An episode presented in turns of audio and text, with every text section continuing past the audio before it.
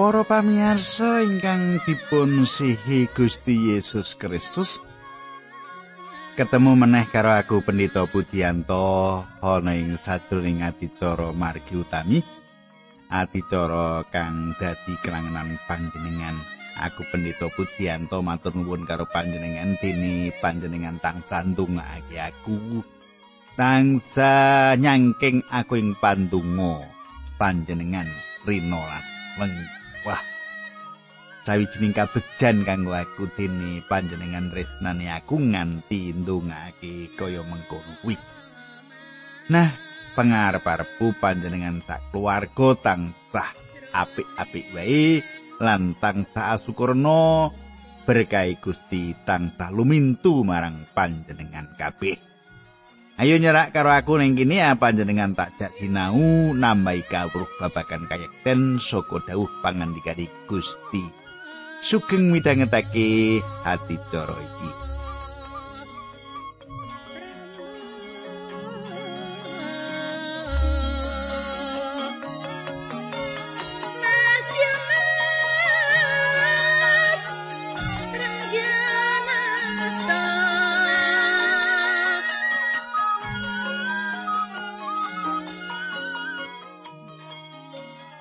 Kadangku, apa panjenengan isi kelingan, apa sing diaturake ing dina kepungkur?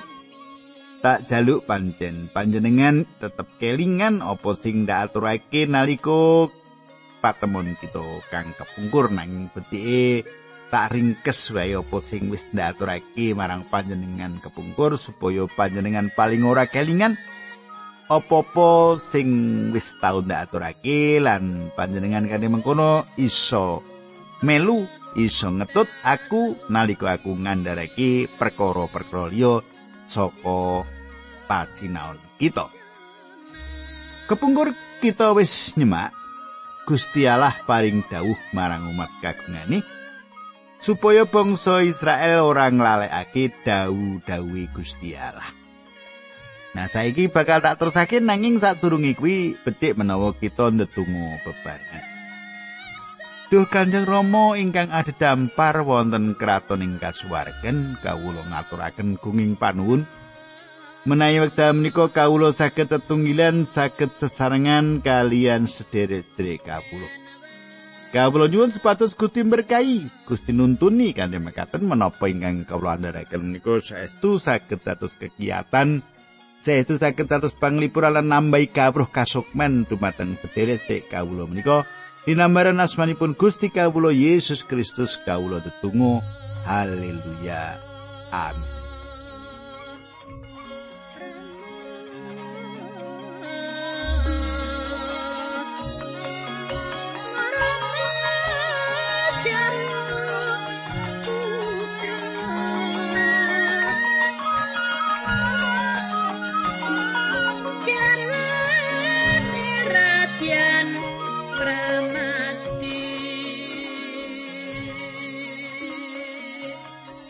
Kadangku kang dak tresnani pasinaon kita saiki wis ngantik kitab pangandaring Torat 17. Pasinaon kita saiki wis ngantik kitab pangandaring Torat bab 17 arta waca ayat siji lan ayat loro. Becik teko telu sisan ya iki basa pedinan sing tak wacake kanggo panjenengan. Musa karo para panggedini bangsa Israel banjur kondo karo bangsa mau padha ngestokno sakai dawuh sing ndak kandhake ing dina iki marang kowe. Semangsa kowe wis nyabrang ing Kali Yarden mlebu ing tanah sing diparingake dening Pangeran Allahmu, kowe ngedekno watu gedhe sawetara lapis ana dempul. Banjur sakai dawuh lan pernatan iki tulis sening watu-watu mau yen kowe wis mlebu ing tanah sing subur luber susulan madu kaya sing dijanjake pangeran Allahmu marang para leluhurmu. Katanggu kang dal tresnani pangandikan iki meratelakake opo? Marang wong Israel didhawuhi nalika wong Israel nyabrang mlebu ing negara kuwi 10 dawe Allah bakal ditulis ana ing watu lan dituduhake marang wong Israel. Enggone duweni lan enggone manggon wong Israel ing negara kuwi bakal ditetepake kepiye enggone wong-wong Israel mau mbangun turut marang Gusti Allah. Iku sawijining aturan kang ngemu syarat. Nanging negara kuwi diparingake marang wong Israel tanpa syarat apa-apa kang kudu sampirake. Kudu disampirake marang wong Israel. Gusti Allah bakal nggawa wong Israel bali ing sadurunge negara mau awit negara iku duweke wong Israel. Cetok ya. Nah, saiki diterusake ayat 4 5 6 7 8. Lan tanah mau wis kok enggoni banjur munggao ing gunung Ebal. Watu-watu mau tekno ing putuke gunung banjur dempulen. Kaya sing ndak kandhake mau. Ing panggonan kono kowe ngedekno mesbeh saka watu sing durung tau digarap nganggo piranti wesi. Sebab saben mesbeh sing ditekake kagem pangeran Allahmu kudu digawe saka watu utuh lan ora kena ditatah. Ana ing mesbeh kono kowe nyaosno kurban-kurbanmu obongan. Semono uga nyaosno sesausanmu lan mangano kurbanmu mono suka sarta kurban saos panuwunmu kunjuk marang pangeran Allahmu ana ing papan kono Watu-watu sing didempul mau tulisana saben tembungi dawuh-dawuh kabeh tulisan sing cetha. Katanggu panjenengan kateaki. Angger-angger Gusti Allah kudu dituduhake terus-terusan. Didelokake terus-terusan. Angger-angger iku kudu dipapanake ing ngarsane umat Gusti Allah. Menyang ngendi wae? Bangsa Israel kuwi lunga malah ing lawang kang kanggo mlebu omahe. Saiki diteruske ayat 9 tekan 11. Sawise mengkono Musa bebarengan karo para imam Lewi kondo marang bangsa Israel, para sedulur wong Israel, padha rungokno lan gatekno ing dina iki kowe wis dadi umate pangeran Allah. Mulane padha mbangun turuta marang pangeran lan nglakonana dawuh-dawuhe kabeh sing ndak andharake marang kowe lakonono. Musa banjur kondo karo bangsa Israel mengkini sawise kowe nyabrang ing kali Yarden, Taler Simeon, Lewi, Yehuda Isakar, Yusuf lan Benyamin kudu padha ngadeg ing Gunung Gerizim ya kuwi semasa berkah sing kanggo bangsa Israel diucapake. Kadangku nalika bangsa Israel mlebu ing tanah perjanjian berkah kang ditompo umat Israel bakal dipratelake ing Gunung Gerizim. Ing kene disebutake jeneng-jenenge taler Israel kang bakal nekake berkah. Ayat 13. Semongso paukuman sing diucapake taler Ruben, Gad, Aser, Sebolon dan lan Naptali kudu padha ngadeg ing Gunung Ebal. Katangku, apa maknane ayat iki? Taler-taler bangsa kang bakal ngumumake ipat-ipat kudu lunga menyang Gunung Ebal. Gunung iki ana ing sajroning lalatan ing ngendi wong wadon samara iku ana ing pinggiring sumur. Berkah-berkah dinyatakake saka Gunung Gerizim lan ipat-ipat dinyatakake saka Gunung Ebal. Saiki sawijining daftar ipat-ipat diparingake. Sawise bangsa Israel ana ing negara kuwi anggone duweni tanah ana kono alandesan syarat. Kita kena kandha yen saben turunan iku kang ngenggoni lan turunan mau kudu mbayar duit sewan. Gusti Allah iku kang kagungan tanah. Lan sewane yaiku anggone mbangun turut marang Gusti Allah. Sak bener e katangku, bangsa iku luweh saka mung manggon awit Gusti Allah wis paring marang bangsa Israel. Negara iku minangka barang deduwian kang langgeng nanging Naliko sak turunan ora bangun turut marang Gusti Allah, turunan mau bakal ditundung saka negara iku senadyan tanah kuwi duweke minangka warisan langgengi. Dadi bangun turut iku dadi syarat kang utama Nek panjenengan ora bangun turut, panjenengan yo ora itu warisan kasuwargan ya. Awis saka kuwi panjenengan kudu bangun turut. Saiki ayat 15. Wong Lewi ngucap, Nompo paukuman wong sing gawe reca saka watu, kayu utawa barang pelian lan nyembah reca mau ing papan sing delik. Gusti Allah sengit marang panyembah brahala. Umat kabeh mangsuli. Amin. Katangku, iki ana gegayutan karo loro angger-angger kang kawitan saka 10 titah. Ayat 16. Nompo paukumane Allah saben wong sing nyamah marang bopo utawa biungi. Amin. Katangku, iki ana kekayutane karo angger-angger kaping 5 saka dosa titah. Saiki ayat 16. Nompo paukumane Allah kabeh wong sing ora nglakoni dawuh Allah lan piwulangi. Amin. Katangku, sawetara panjenengan maca kabeh ayat ing sajroning pasal iki panjenengan bakal nyemak yen ayat-ayat iki kabeh kegayutan karo panerak marang dosa titah. Katengku saiki kita nganting kita pengandaring Torat bab 28. Tak wacake ayat siji loro sepisan maneh ing basa pedinan. Mengkene alon-alon yo tak wacake yo. Yen kowe padha mbangun turut marang pangeran Allahmu lan setya nglakoni sakai dawuh sing diparingake marang kowe ing dina iki, Allah bakal ndadekake kowe bangsa gedhe ngungkuli bangsa-bangsa liyane ing jagat. Bangun turuto marang pangeran Allahmu temah berkah ing ngisor iki bakal kaparingake marang kowe.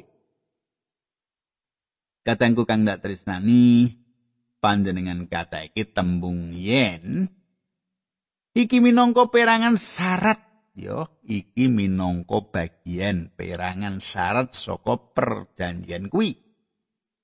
Bangsa Israel bakal diberkahi mung menawa bangsa Israel mbangun turut Gusti Allah. Iki ayat telu, papat, lima, enam tak wacake. Allah bakal berkahi kutha-kutha lan palemahanmu. Allah bakal berkahi kowe kabeh mulut turunmu dadi akeh panenmu turah-turah sapilan wedhusmu dadi pirang-pirang. Allah bakal berkahi panenmu gandum lan sarupaning pangan sing kok gawe saka gandum mau. Allah bakal berkahi sakai penggawimu. Katengku, Panjenengan gatekake ing kene ana rolas sifat-sifat kang dinyatakake nanging sak mung ana papat berkah. Menawa panjenengan kepingin ngerti kenapa kaya mengkono, aku bakal kondo ana ngendi kita bisa nemake sisa berkah kuwi. Gusti Yesus jumeneng ing sak dhuwure gunung lan nglantarake apa kang sinebut khotbah ing gunung. Kepiye panjenengan miwiti? Matius 5 ayat 3. Bejo wong sing rumangsa ringkih ana ngarsane pangeran awit wong sing kaya ngono kuwi sing dadi umat ana ing kratoning Allah. Mula pangandikan bejo liyane bakal melu. Kanthi miwiti dawe kaya iki bakal agawe bangsa Israel kang lagi diwenehi wulangan gelem ngrungokake. Ana sawijining janji kegayutan berkah kang luber-luber menawa bangsa Israel kuwi bangun turut. Saiki tak teruske ayat 13 nganti 15. Mengkene surasane panjenengan katekake. Pangeran alamu bakal ndadekake kowe pemimpine bangsa-bangsa lan dudu pembantune yen kowe setya nglakoni dawuh Allah. Sing ndak andharake ing dina iki kowe selawase bakal oleh kaluberan lan mesti oleh hasil. Nanging aja pisan-pisan nyepelake dawuh-dawuh Allah senajan apa wae alasane lan aja pisan-pisan nyembah sarta ngabekti marang brahala-brahala. Nanging yen kowe padha mbangkang marang pangeran Allahmu lan ora nglakoni kelawan setya sakai dawuh lan pernatane sing ndak kandhake ing dina iki kowe bakal nampa paukuman sing mengkini. Katanggu, kepiye darunane pangandikan kuwi? Sepisan maneh kita nyemak yen iki ngandut syarat. Yen iki ngandut syarat. Kitab suci medar wangsit gegayutan bangsa Israel kang dibuang saka negara iku nganti kaping telu lan dikumpulake meneh menyang negara kuwi kaping telu. Bakal ana kaping telu dibuang lan kaping telu bangsa Israel dikumpulake meneh. Kang kawitan pamedar wangsit saka Gusti iku ditujokake marang Abraham. Panjenengan bisa maca Purwaning Dumadi 15 ayat 13 lan 16. Mengkini surat sene tak waca iki yo.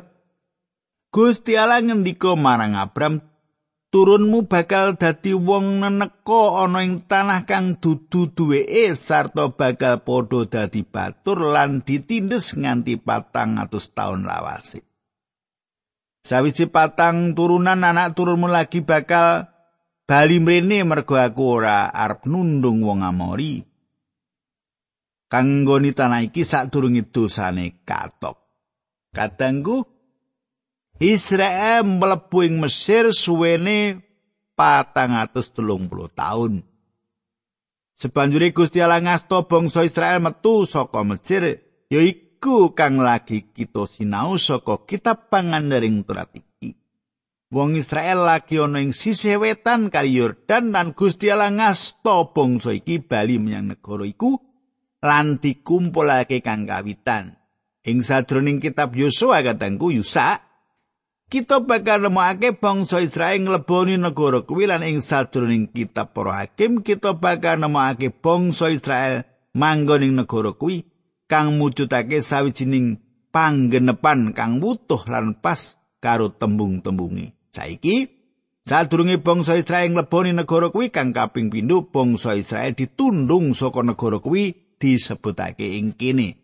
Coba panjenengan semak bab 21 pangandaring Torat ayat 32 nganti 34 ya.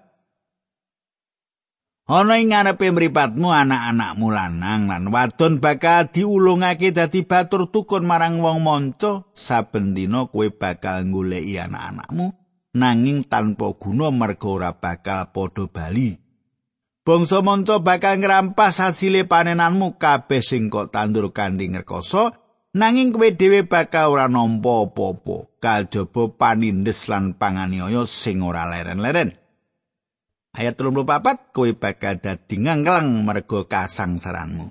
Katangku ayat iki diganepi pas sajroning jaman pemerintahan Raja Yehuda kang pungkasan Sedekia kang anak-anake dibeleh ing ngarepani sebanjure matane loro dicukil ana ing kahanan buta lan ora bidaya Sedekia digiring menyang pambuangan ing Babel.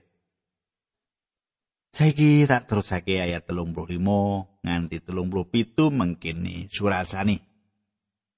Allah bakal gawe sikilmu sak kujur padha benyinyehen lan lara banget mongko ora bisa mari awakmu bakal kebak wudun saka telapakan tekan bun-bunan Yen kowe ora padha mbangun turut marang pangeran Allahmu, kowe lan rajamu bakal diboyong dening pangeran Allahmu menyang negara manca. Sing durung tau dinggoni dening para luhurmu, ana ing kono kowe bakal nyembah marang brahala-brahala sing digawe saka kayu utawa watu. Ing endi wae parani nggonmu disebar dening Allah, wong-wong bakal padha kaget ndeleng lelakonmu. Kowe bakal padha dipoyoki lan dinggo geguyut. Kadangku kang ndak tresnani ayat iki mratelake bangsa iki dibuang menyang Babel. Kenapa kabeh iki dumati marang bangsa Israel? Kabeh iku awit anggone ora mbangun turut. Gusti Allah wis paring pemut kanthi tembung yen marang bangsa Israel. Gusti Allah ngendika yen kowe mbangun turut kowe bakal diberkahi. Yen kowe ora mbangun turut kowe bakal ditundung saka negara kuwi. Bangsa Israel dikumpulake meneh saka anggone dibuang ing Babel. Baline bangsa Israel kuwi ditulis ana ing kitab Esra lan Nehemia. Para nabi Hagai, Sakaria lan Malyaki nyaritakake bab baline bangsa Israel menyang negara kuwi.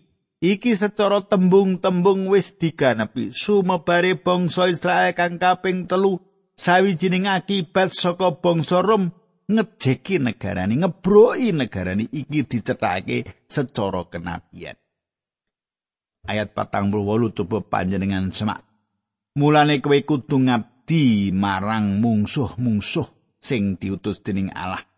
Nekani lan ngalahake kowe.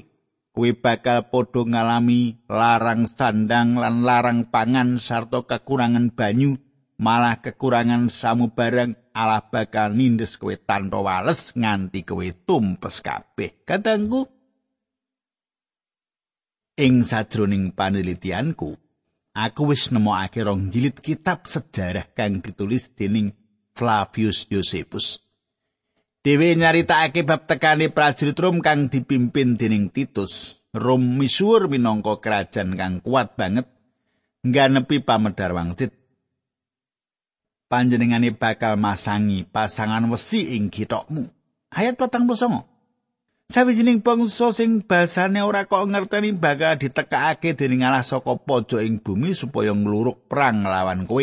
Kowe bakal disamber dening bangsa mau kaya panyambere manuk garuda. Kadangku Rum kang tekane saka kulon basane beda banget karo basa Ibrani. Basa Ibrani iku sawijining basa kang ana gegayutane karo basa Asia, Afrika lan Wetanan. Iki basa kang babar pisan beda. Gusti Allah ngendika yen kang nelokake kuwi sawijining bangsa kang basane kowe ora ngerti. Saiki ayat seket nganti seket telu pangandaring Torat bab 28. Panjenengan aja ngalamun iki dirungokke sing tenanan ya, engko panjenengan malah ngantuk. Pak Puji ndel jus wae aku ngantuk gitu. Wah, aja ngantuk ya, iki penting banget saiki tak waca iki ya. Bangsa kuwi ambek sia lan ora bakal melasi sapa wae dadi tuwa utawa nom. Bangsa mau sing bakal ngentekake raja kayamu lan panenanmu ora ana sing diturahake kanggo kowe iya sing rupa gandum, anggur, lenga, saitun, sapi utawa wedhus nganti kowe bakal padha mati kaliren. Saben kutha ing tanah sing bakal diparingake dening pengiran alamu marang kowe bakal dikempur tembok-temboke sing dhuwur lan sing kok sentosani nganggo beteng-beteng sing kok endel-endelake bakal padha rubuh. Sajrone mungsu-mungsu ngepung kutha-kuthamu kowe bakal semplah mergo kaliren nganti kowe bakal padha mangan anakmu dhewe sing diparingake dening pangeran Allah marang kowe. Kadangku Yosefus nulis ing buku sejarah yen para ibu dipeksa masrahake bayi-bayine lan daging bayi-bayi mau dipangan. Pamedhar wangsit iki secara tembung-tembung harafiah wis diganepi. Lan saiki bangsa Israel sumebaring saindenging jagat. Ayat sewita papat, Allah bakal mbuyarake kowe ana ing antaraning bangsa-bangsa saka pojok ing bumi siji tekan pojok liyane Ana ing kono kowe bakal padha nyembah brahala sing digawe saka kayu utawa watu, brahala-brahala sing biyen-biyene ora tau kok sembah lan disembah tiling leluhurmu. Kadangku kandak tresnani ana telu pamedar wangsit kegayutan karo dicabut hak atas kaduweani, deduweani lan ana telung pamedar wangsit kang kondo yen bangsa Israel bakal bali. Bangsa Israel wis bali kaping pindho, bangsa Israel durung bali kang kaping telune. saka 6 pamedhar wangsit kang 5 wis diganepi secara tembung-tembung hurufiah. Manut aku pamedhar wangsit kang kaping 6 secara harafiah lan iku bakal dumati ing jaman kang bakal kelakon. Saiki ayat 5 nganti swidak pitu. Mangkene surasani. Ana ing ngendi wae kowe bakal ora nemu katentreman lan ora ana panggonan sing kena kok arani dadi duwekmu. Allah bakal gawe atimu tansah geter tanpa pengarep-arep lan nglokro. Uripmu bakal tansah kaancam dening bebaya rina wengi atimu bakal miris lan kowe bakal dioyak-oyak dening raja. Wedi marga rumong sarep dipateni. Yen weruh apa wae atimu bakal tansah dedegan yen esuk kowe ngarep-arep inggal wengi lan yen wengi kowe ngarep-arep inggal esuk. Katengku kabeh iki wis diganepi ing sadurunging panganiaya marang wong Yahudi abadan ya, suwene abadan. Iki kabeh resiko anggone ora bangun turut kang terus-terusan. Wong Israel ora nampani kalegan lan atine gemeter kaya ngapa mrehatinake Gusti Allah setya marang janjine. Katengku tak sigek semene dhisik diterusake dina candhake nek panjenengan apa kuwi arep kirim layang, arep nerusake kegayutan karo aku ya. Lan iki aku bakal macake layangi sing tekan marang aku. Mengkini surasane marang Bapak Sukamto, ya, Bapak Sukamto. Wah, adicara menika anu Pak Puji nambahi kawruh karohanen kula panjenengan njlentrehaken ayat mboko ayat. Makaten nggih Pak nggih kula dipun giyataken lan wah ngono jebule. Nggih.